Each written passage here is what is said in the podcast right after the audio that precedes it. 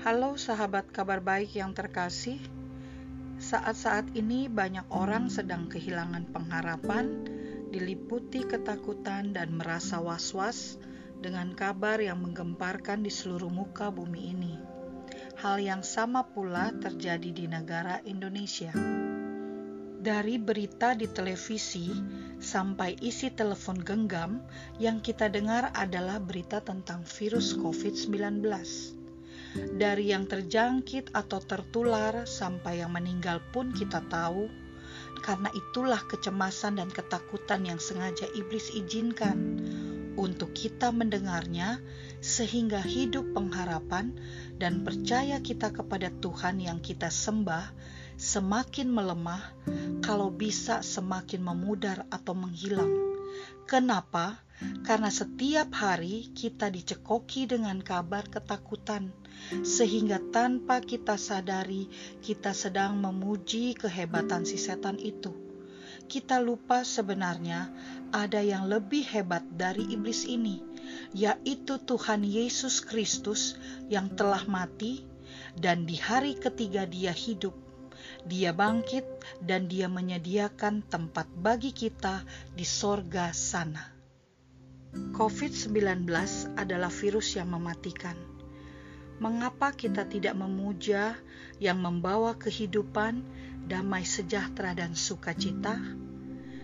Dalam 2 Timotius 1 ayat 7 tertulis di sana adalah sebab Allah memberikan kepada kita bukan roh ketakutan, melainkan roh yang membangkitkan kekuatan, kasih, dan ketertiban Sahabat, itulah yang dijanjikan Allah.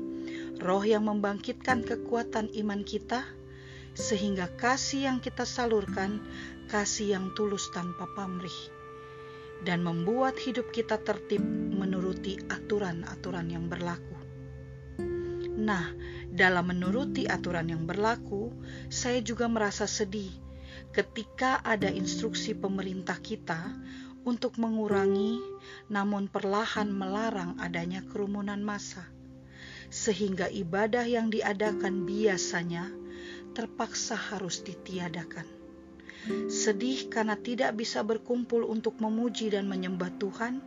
Sedih karena tidak dapat mendengarkan khotbah yang dapat menguatkan kita melalui hari-hari ini. Tetapi percayalah sahabat kabar baik, dalam Yohanes 10 ayat 10 berkata, pencuri datang hanya untuk mencuri dan membunuh dan membinasakan. Aku yaitu Yesus datang supaya mereka mempunyai hidup dan mempunyainya dalam segala kelimpahan.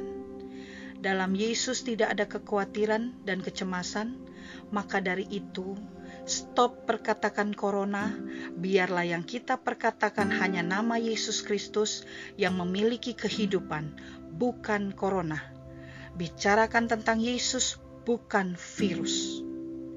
Dalam Yesus ada kekuatan yang penuh kasih, dalam Yesus ada kehidupan dan jaminan yang pasti. Dia menjadi perisai bagi orang-orang yang berlindung padanya. Mari sahabat kabar baik, kita tetap berdoa, baca firman Tuhan setiap hari, dan perkatakan bahwa Yesus adalah roh kehidupan. Tetap kuat dan beriman teguh kepada Yesus, Juru Selamat kita. Tuhan memberkati.